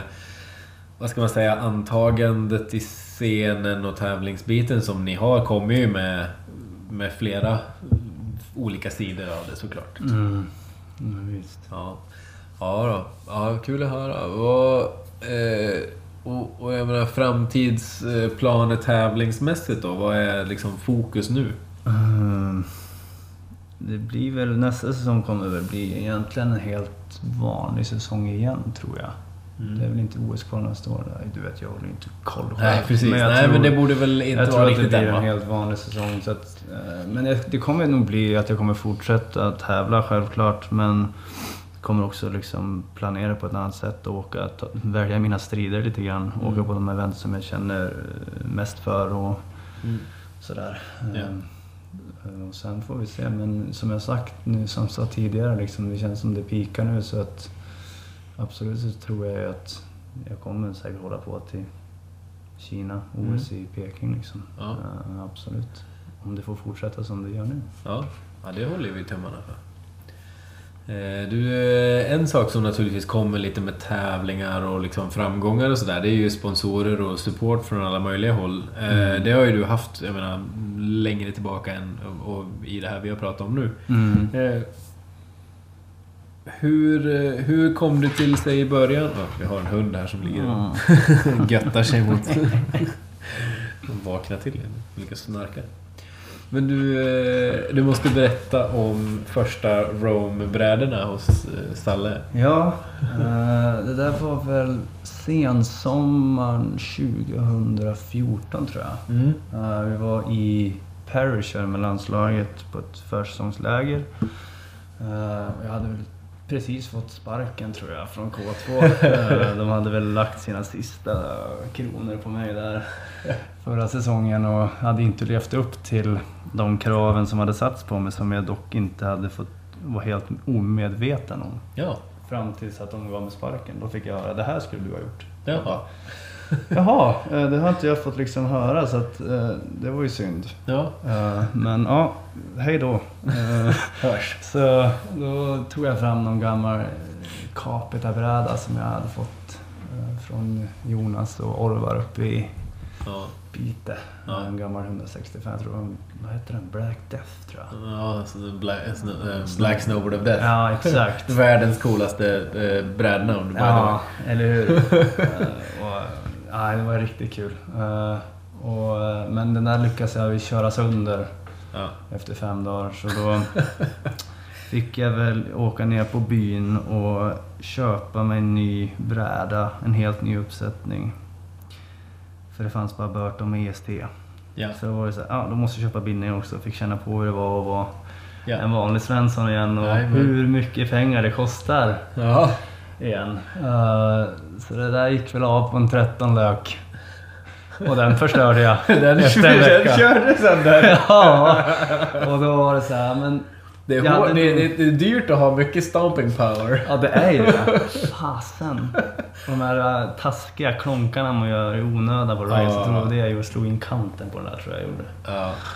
Eh, men då, jag tror att jag hade fått lite kontakt med Salle tidigare i och med att min bror Jonas åkte ju för Stuntwood på den tiden. Ja. Eh, så då tänkte jag, men jag hör av mig till Salle och frågar om jag bara kan, kanske kan få köpa lös två brädor för en schysst peng liksom. Eh, och han sa, ja men jag hör av mig till Europa direkt. Ja. Vi ska lösa så att du får brädor. Ja. Och sagt och gjort så efter en vecka så hörde han av sig. Ja, jag har löst två brädor, de skickas. Så det var väl början. Mm. Eh, och sen så gjorde vi väl den här välkomstvideon härifrån Jon Olsson-hoppet. ja, precis. Där på våren 2015 och sen, ja det var väl då det började med att jag började åka för Rome. Ja. Visst. Eh, coolt. Har du några andra support som, supporters som du vill ge en shoutout? Mm. Jag vill tacka Patrik Lundin, L1. Ja, Vi koppar på det tåget nu. Ja. Eh, Till ett märke som jag alltid har älskat. Mm. Alltså, varje år så är det så här, när man får se en katalog, man bara jag tar allt. Ja. Ge mig allt. Ja. Nej, men det är så här, verkligen cred som tilltalar mig. Så det är Mm. kul att få representera det nu. ja. Fett. Ja, de har ju en jävla skön stil liksom. Jäkligt Ja, streetigt verkligen. och, och, och smooth liksom. Mm. Ja, jag har också alltid gillat dem. Ja, cleant. Eh, och alltså, vi, alltså naturligtvis, så, vi har ju pratat sjukt mycket tävlingar eftersom att det är Mm. väldigt aktuellt naturligtvis. Och det är ju det är inget konstigt. Eh, men nu, eh, filmande är ju någonting som alltid känns som att det har legat nära dig liksom. Och den så här, Ja. lite mer kanske, ja, jag vet inte om, jag, om avslappnad är rätt ord, men det blir ju inte riktigt samma sak som en tävling. Nej men precis. Eh, din Lofoten-tripp, Mm. den eh, finns det ju en riktigt härlig liten kortfilm från. Ja, men visst. hur, hur kom det projektet runt liksom? Eh, Det var en riktigt spontanare ska jag säga dig. Eh, Nej men det var Morgan då på X Dubai som hade hört av sig där under, ja, runt mitten på säsongen och frågat så här, vad är dina topp tre park, parkställen? Ja. Och jag nämnde väl Lax, jag tror jag nämnde Breckenridge och såklart Kläppen liksom. Ja, ja, vad bra. För jag snackade ihop mig med de här eh, resorterna och ställena så kan vi fixa något projekt där liksom. Mm. Eh, För, för från början ville vi såklart göra ett projekt i Dubai i och med att X Dubai då marknadsför Dubai som sin produkt. Men Mm. vi insåg ju rätt snabbt att eh, den snön kommer inte ligga länge innan den är borta. Nej, Så det går inte riktigt. det är ju lite varmt i Dubai. Precis, ständigt. Eh, nej men så efter en vecka så hörde han av sig och så bara Du, vad, vad känner du för Storberg då? Jag bara, ja det, det är ju någonting som jag vill mot. Jag vill ju lära mig det elementet så här. Ja Mm. bra, för vi drar till Lofoten eh, i april. Jag bara, okej. Ja. Så då vart man så här. Först bara shit vad roligt liksom. Sen bara tänkte man bara ja nu är det två proffsfilmare, fotografer och jag ska köra Storberg som jag Ja. aldrig har gjort. och sen började jag googla lite på Lofoten liksom. Man hade ju hört talas om jag hade liksom sett så här bara Ja. okej. Det, det är rätt så här, hårda grejer på vissa ställen och jag vet inte vad, vad deras tanke är. Var ska jag åka någonstans? Ja. Eh, Men som tur var så var det ju lite så här eh, på vårkanten, det var lite bakat, det var ju slask mer. Mm. Ja. Så att det var ju ganska enkelt att bygga hopp och hoppa hopp. Liksom. Mm. Det var ju inte så mycket tanke på att luta sig på bakfoten. Liksom. Nej. Nej, fanns var- någonstans det var lite djupare så man fick tänka lite men däremot var det såna här slukhål överallt. Mm. Snow squirrels överallt. Super, Man kunde ligga så här på ytan och sen bara whoop, så Ja. åkte nosen in under och så tumlade man. Oh. Så det var en ganska hemsk åkning så. Mm. Men eh, hopperna funkar ju bra och sen hittade vi några schyssta åk sådär. Men, ja, men det var en fantastisk resa och erfarenhet verkligen. Att få komma ifrån parkerna och se vad snor är på riktigt. Alltså. Ja, eller hur? Ja. Har ju något eh, ganska gnarly inrun på något av de där hoppen. Alltså. Ja, den där... eh, Precis, i den första koloren där och sen Mm. utöver där ja. Mm, Ja, det men- var... Vi försökte, vi skulle försöka bygga det där så långt vi kunde men det var... Det var också som bara föll igenom liksom. Det var som Ja. en liten... eh, Vad säger man? Som en liten... Ja, snön bara föll igenom där. Mm.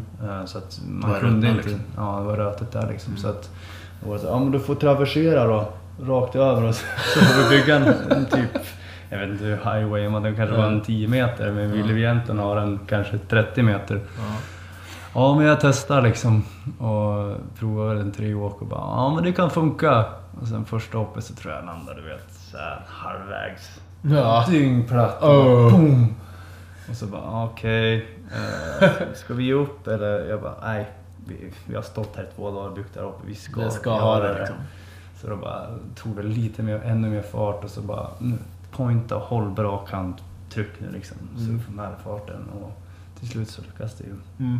Så det, ja, men det var ett fint minne liksom. Ja. Så, här, så mycket tid man la ner på det hoppet. Och sen var det inte optimal landning heller. Det var, men kul att man kunde göra någonting i det Ja, eller hur? Ja, men det är ju det är några mäktiga shots. Den... Eh, eh, nu minns jag inte faktiskt vad den heter, men den finns ju på Youtube. Är ju, alltså jag tror att man söker Six på det. Eight North tror jag den Ja, det heter den. Mm. Mm. Ja, det, det, den hittar man ju på Youtube om man vill. Precis. Mm. Vad hände med X Dubai egentligen? Eh, det blev väl en och annan kris kan man säga Mm. där borta. Och, eh, jag var väl med under första men då klarade jag mig. Ja. Eh, Då lyckades de ändå få tillbaka, jag vet inte vad han sa, det var 800 pers som fick gå från Oj. företaget. Och sen fick de tillbaka tre. Och det Oj. var tydligen de tre viktigaste personerna som kom tillbaka. Eh, Det låter helt sjukt. Eh, Och sen så blev det ytterligare en då. Och där var det väl Morgan som var lite så patriotisk eftersom båda vi var svenskar och hade ju dealat upp mitt kontrakt ganska så fint där. Ja. Så att eh, det var ju där det kostade, så det var ju där de fick ta av det. Så, att, eh, så det var därför. Men jag, fick ett erbjudande att stanna för kanske en femtedel av kontraktet. Mm. Eh, Men det var i samband när jag jobbade med Chad Harp, en agent, Mm. under de åren. Som sa, ja, men nej, vi kan hitta något bättre. Jag, jag tappar förtroendet. Det är, liksom, det är så obalanserat det där företaget. Man vet aldrig vad som kommer hända där borta och vi kan hitta någonting som är mycket mer säkert. Liksom. Mm. Eh, vilket vi inte gjorde. för jag var, för jag var alldeles för liten på Instagram. Ja. Jag behövde följare. Och jag Ja. bara, men, för det där har varit här grej. Jag bara, men jag är en snowboardåkare liksom. Jag är ingen bloggare. Jag är ingen... Nej.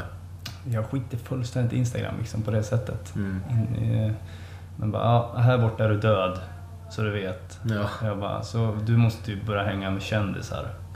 Eller någonting. Få upp dina följare. Jag bara, ja, men jag tänker ju inte börja hänga med folk jag inte vill hänga med bara för att jag ska få följare liksom. Hänger ju med Det går rakt emot livsnjut. Ja. ja, exakt. Eh, nej men precis, hänga med Sverige. Ja men lite grann så här, jag bara, kan du dra en shoutout liksom? Ja. Men det funkar inte så bra ändå. Nej. Det var inte så intressant konto ändå då, så att... eh, nej, så att vi slutade arbeta med varandra, jag och Chad. Mm. Eh, förra året tror jag kontraktet gick ut så att nu kör jag på egen hand och bara åker och sen får vi se vart det bär. Kör feeling bara. Ja. Ja, mäktigt. Eh, hade du något minne från Lofoten du ville bomba ut eller? Eh, ja, det fanns ett starkt minne sådär. Eh, Jag tror att det var, vi hade hållit på en hel dag och jag skulle hajka upp på en topp. Eh, sista åket för dagen. Eh, Helt slut. Och den där sidan var så, här, så vindpinad. Det var bara is. Så köttigt att ta sig upp. Man bara halka och halka. Tog omtag, tog omtag. Till slut så tog jag mig upp liksom till droppen. och när jag väl kommer upp så bara är det så här 10 meter ovanför huvudet så är det två örnar som bara leker och man bara shit. Och sen bara tittar ner så får man så här utsikten över hela Stamsund och man bara lyckligt lottad, lottad kille liksom. Mm. Att jag får vara med om det här. Det, nej, det var ett starkt minne så att ja, det finns mer Mm. att utforska i snowboardvärlden. Alltså här ute, det hit ut jag vill liksom. Ja. Eh, Jag har sett för mycket hopp och där, liksom, Ja. nej, jag måste få se naturen nu. Mm. Det, är- men det blir en helt annan känsla i åkningen också, att få vara sådär nära Mm. naturen på något sätt. Så Mm. att, mer sånt. Ja. Ja, du får, eh, får höra av dig för att ta, ta dig med på en liten splittur här ute. Ja, det är inte Lofoten, men det är väldigt fint ändå. Ja, jag ska lösa lite bindningar från inlandet. Ja, jag löser det. Ja, eh, coolt då. Apropå lite filmande och sådär. Foto är ju också någonting som, alltså det kommer ju väldigt naturligt. Jag tänker mig, jag, jag tänker vi måste ju, vi måste ju bolla lite. Du har ju haft en par jäkligt så här cleana, tajmade bilder med lite, lite homies. Mm. Eh, Bernståls cover på Transition med Måns i Jajamän. den här lilla... Ja, är det en liten spine eller en liten hip? Det är en spine som vi byggde. Det där var Bernstål som kom upp med idén att han bara Men jag, jag tänker mig en silhuettbild i en spine där ni ligger en varsin från här invert. Mm. Så vi bara ja, eh, det går väl att fixa. Vi ringde direkt till Bolleberget till Niklas där som kör maskin. Mm. Eh, guldgruva Ja, liksom. Ställer alltid upp. Eh, Så att han bara vi kör imorgon. Ja, Så vi bara okej. drog dit och började bygga och ringde Bernt och bara men den här står klar tills i, imorgon liksom. Så Mm. att det är bara att komma upp. Ja men då kör vi. Så att vi shapade den där och men sen var det ju liksom jäkla jobb att få till det där liksom. Men har du någon aning om hur många försök ni gjorde? Jag tror vi räknar på Bernståls kamera, jag tror att det var över är det 40 eller 50 frames kanske han hade kameran. Så det var väl en 40-50 försök. Ja. För det är liksom det vi oftast gör, för det där, vi började ju liksom för några år sedan med Bernt att han var sugen på att göra så här, men vi måste göra mer dubbelbilder, till och med Mm. trippelbilder. Vi Mm. måste ha trippel, vi måste ha tre stycken i bilden liksom och tajma. Eh, och då körde man ju liksom, då, då åker man ju alltid in och håller händerna så att man håller jämnt, jämn fart Ja. fram tills att det ska ske liksom. ja. Men här var ju problemet att vi måste starta på varsin sida av backen. Mm. Så då kommer ju på olika håll liksom. Ja men precis, så att vi bara räknade tre, försöker droppa så identiskt som möjligt och man står bara och stirrar på varandra hela Ja. vägen in tills att det är dags att börja karva upp i den där. Ja. Eh, Så att, och sen var det bara chansa, det var bara slänga av en invert liksom och Ja. hoppas på att eh, det blir bra. Men det var många gånger som vi krokade ihop brädorna Alltså. uppe på och jag tror Måns, jag flög ut någon gång över kanten helt platt för att man tog för snäv, eller för icke för snäv Mm. inte för mycket vinkel liksom som man flög ut och ja, det var mycket jobb med det men till slut så fick vi en pangbild. Mm. Ja, det är en riktig banger. Det vart ju cover då. Ja men precis. På, ja. eh, på Transitions lite limiterade Ja. issue också när de printade igen. ja men precis. Han jobbade länge för det här skulle sälja in. Det var ingen som ville köpa den vet du. Nej. Men han bara, vem vill inte köpa den här? Ja, liksom. kom Men till igen. slut så fick han en, ett hem. Ja, det fick det. Eh, du har ju en till, eh, där, den här är ganska ny va? Den här eh, som Mihai tog.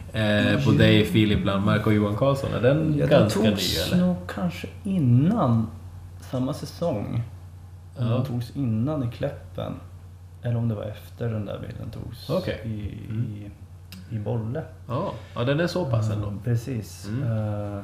Men där var vi också så här, men nu är vi tre åkare, vi måste hitta någonting liksom vi kan göra tillsammans. Eh, och sneglade vi runt på allting så här bara. Men den där featuren stod ju där framför oss hela tiden. Den var ju helt där, det var ju självklart. Det var Ja. två liksom pipevallar och ett rail i mitten. Det är ju gjort för tre åkare. Mm. Men det tog oss liksom en halv dag att inse att ja, men det är ju det vi ska fota. Ja. Eh, så då började vi bara köra några åk så och försöka se hur, hur väl vi kunde tajma det. Och det var ganska enkelt, det var mycket enklare den bilden än vad, vad Frontside Inversen var, ska jag säga. Ja. Eh, Men än idag så skulle jag vilja haft mig själv lite mer på framfoten. Den ligger lite för mycket på nosen där. Men, Kommer tillbaka till den här 100%, 95%. Ja, det blev, ja exakt. Men nej, det är en schysst bild. Eh, jag gillar det där när man, man får en glädje av se när det är liksom många i bilden och man ser att det är ett jäkla Mm. pepp liksom. Bra stoke. Har du några andra fotosession-minnen som, är, som står ut som är starka? Ja, jag skulle nog säga första, mitt första cover. Mm. Det var en sån här grej, jag tror att det var andra året på gymnasiet som Daniel Blom tog eh, coveret för Transitions 50-årsjubileum där. Ja.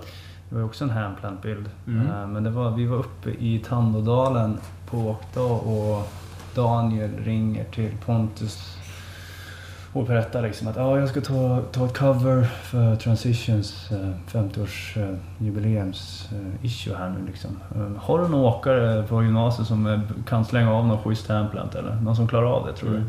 För det kommer inte vara liksom en, en bra transition utan han ska göra det på en naturlig snö, eh, spru, eller Ja. spruthög. Liksom. Ja. Eh, Ja, jo, men vi har nog kanske två stycken. Eh, Så då kallar Pontus ner mig och Sven och bara ja, vi, på vägen hem så kommer ni släppas av i Kläppen för ni ska fota med Daniel Bernstå, eller med, med Daniel Blom Ja. eh, för Transition. Vi bara ja, okej, Eh, vad roligt. Och vart avsläppta där och så gick han igenom liksom vad, vad som skulle göras. Och det var väl så här, det var ju lite så här maktkamp eftersom det blev den som gör bäst Ja. handplant på coveret. Så det var så här shit vad vi krigade liksom och fick nog ganska bra schyssta bilder liksom men hela tiden liksom, jag kan flexa lite mer där för att få den bättre än Sven och Mm, Ja. samma tänkte han liksom. ja, det är klart. Så vi höll på det ett bra tag liksom och sen, ja, sen fick vi nog inte, jag fick nog inte höra förrän eh, ja, den släpptes liksom. Mm. I butik då bara gick man in på någon så här pressbyrå eller Mm. någonting så här, så såg man, men shit det är ju jag! Ja, Fick jag fan, det blev min. Yes. Så det var Ja. jäkla roligt. Ja, klippt alltså. Ja, fan det, det finns ju... Det finns ju hur mycket som helst känns det som. Man ska kunna gå in djupt i, i detalj. Men eh, om man ska liksom ta det lite vidare från snowboarden då? Du håller ju på med, eh, som lite så avslutningsvis, du håller på mycket med musik nu för tiden. Mm. Det känns som att det är något som står dig väldigt nära liksom. Ja, absolut. Eh, musik har väl alltid varit så en viktig del i snowboardåkningen.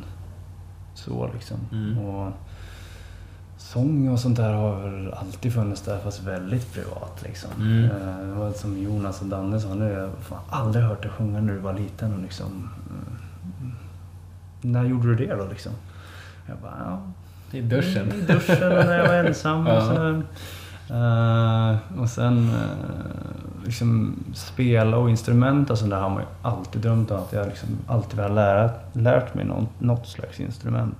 Mm. Men aldrig tagit mig tiden att köpa en, något instrument och lära mig liksom. Spela lite grann på musiken. Det var där jag liksom kommer ihåg vi skulle alltid lära oss några låtar på musiken i om det var sjuan eller någonting. Mm. Och då fick man ju en elgitarr tror jag som jag skulle spela. Jag skulle spela Sweet Child of Mine eller någonting. Mm. Eh, och tyckte fan det här var groovigt, det var kul det här liksom. Eh, men sen efter det så, ah, då tog väl snowboarden över mer och mer och man, men man hade ändå den där drömmen om att fan, en dag ska jag lära mig liksom. Mm. Så var det väl för fyra år sedan som jag då träffade min nu ex-flickvän. Mm.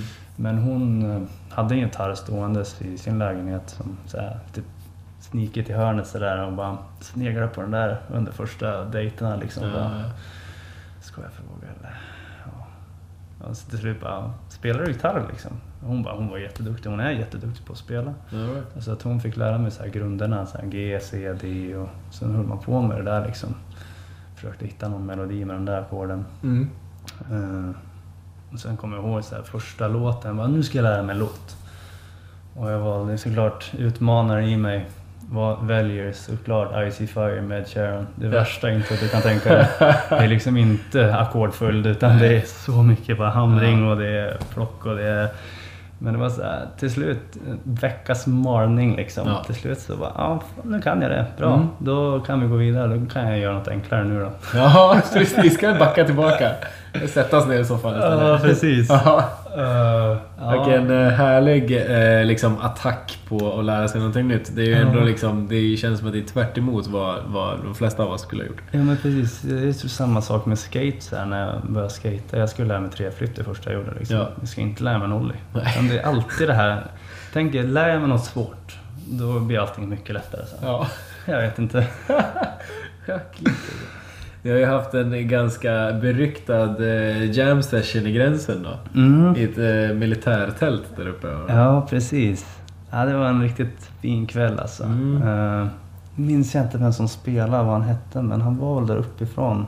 Jag minns inte riktigt. Ärlig. eh, men han otroligt duktig musiker. Han satt och improviserade sång. Och bara riktig stämning så hela kvällen. Sen Mm. bara, men nu drar vi vidare. Och vi försökte få med Han skulle med, men han kom aldrig med. Nej. Men vi fick med de flesta från, från Grönan upp till tältet och så var det bara en grym kväll liksom. Alla tog någonting att spela på. Ja, det är bra. Det är bra häng liksom. Ja, precis.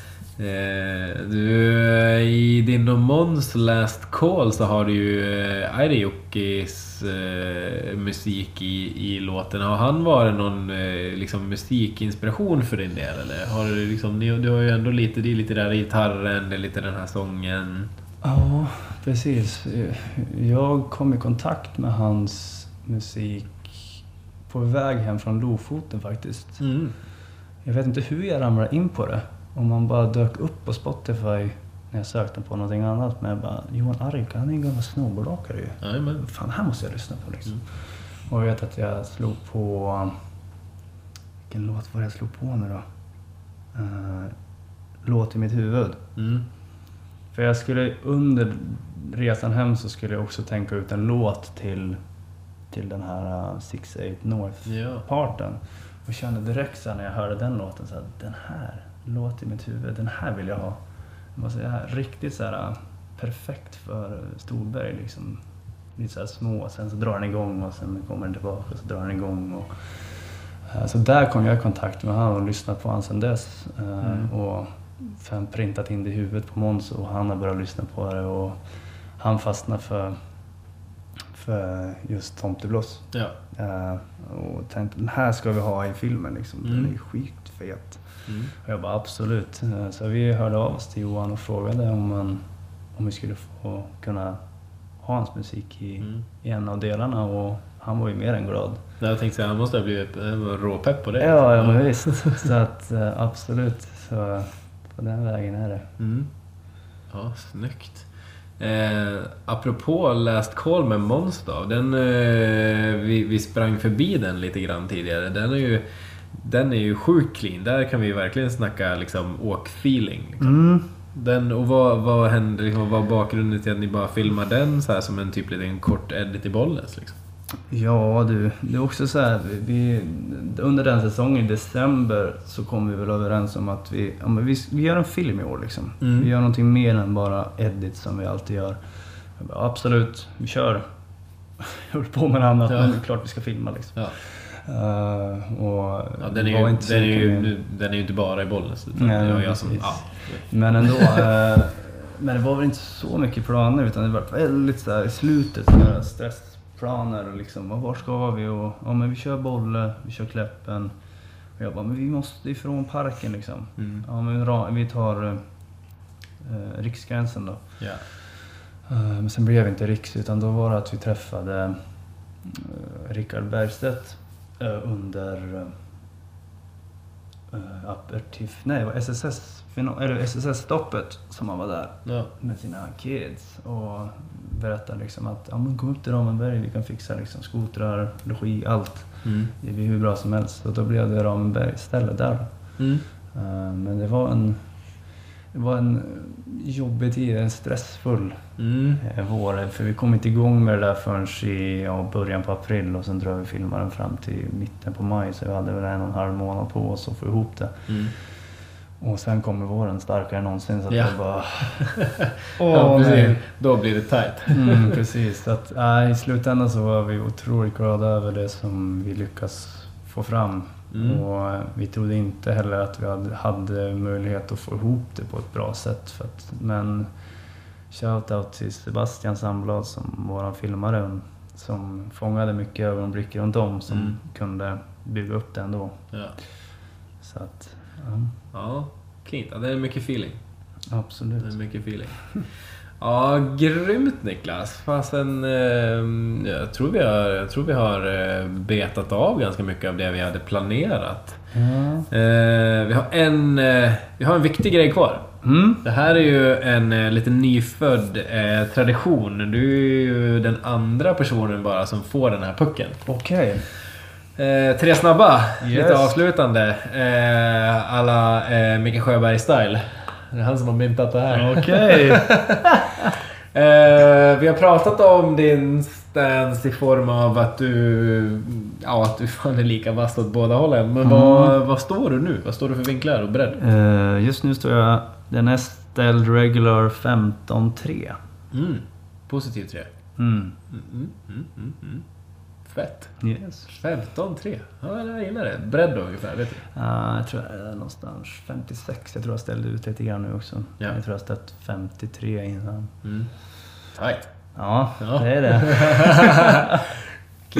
Eh, har du någon eh, film eller filmpart som eh, har, eh, har ett speciellt eh, i, liksom, plats i hjärtat som inspirerat dig? Uh, alltid... Um, Mikkel Bangs part från It's Always Snowing Somewhere. Ja. Den har alltid varit så här. Jag tror jag har svarat på alla intervjuer och allting. Att det alltid varit den. För den var så här.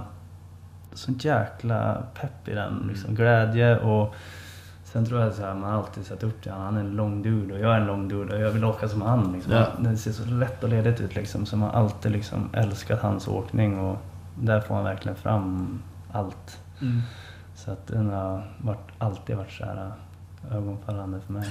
Snyggt. Favoritspot då? Oj. Ah, många spots. Ja, det finns ju några att välja på. Det finns några att välja på. Eh, men faktiskt en av hipparna som vi faktiskt hade i filmen, det var en av de roligare jag har faktiskt kört. Eh, den som jag gör en McTwisty där. Mm. Eh, riktigt så här mysig. Den är ändå så här hårig. Men den är ändå... När man väl får till det så är det sån lättnad för att antingen så flyger du över alltihopa eller så missar du den träningen. Men Ja. det är så här, det är det att det ska vara svårt men det... Ja, Lurigt, liksom. Det är lurigt liksom. Så att det, det spottet var så här riktigt nice. Ja, snyggt. Fan, eh, fett. Du Niklas, eh, tack så hemskt mycket att du eh, var med på att ro ihop det här på så kort tid och att du var att du var okej med att gå down the road med lite, lite halv, eh, halvkänslomässiga diskussioner. Ja, ja men det är liksom ändå, det är ju en stor del av mig så det, nu vet ju folk hur jag fungerar kanske. Mm, Att man är styrd av känslor. Ja, och det är ingenting dåligt med det. Det är bra att veta liksom. Ja, hur?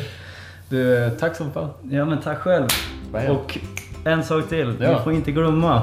Vecka 12, den 23-24 så kör vi Livsnjut, tredje upplaga hemma i Skönvik i Sundsvall. Så de som vill, Snyggt. kom ut Kom och ha en jäkla god helg med oss. Två dagars. För alltid äventyr. Ja. In på småtimmarna. För alltid äventyr. Snyggt. Bra finish.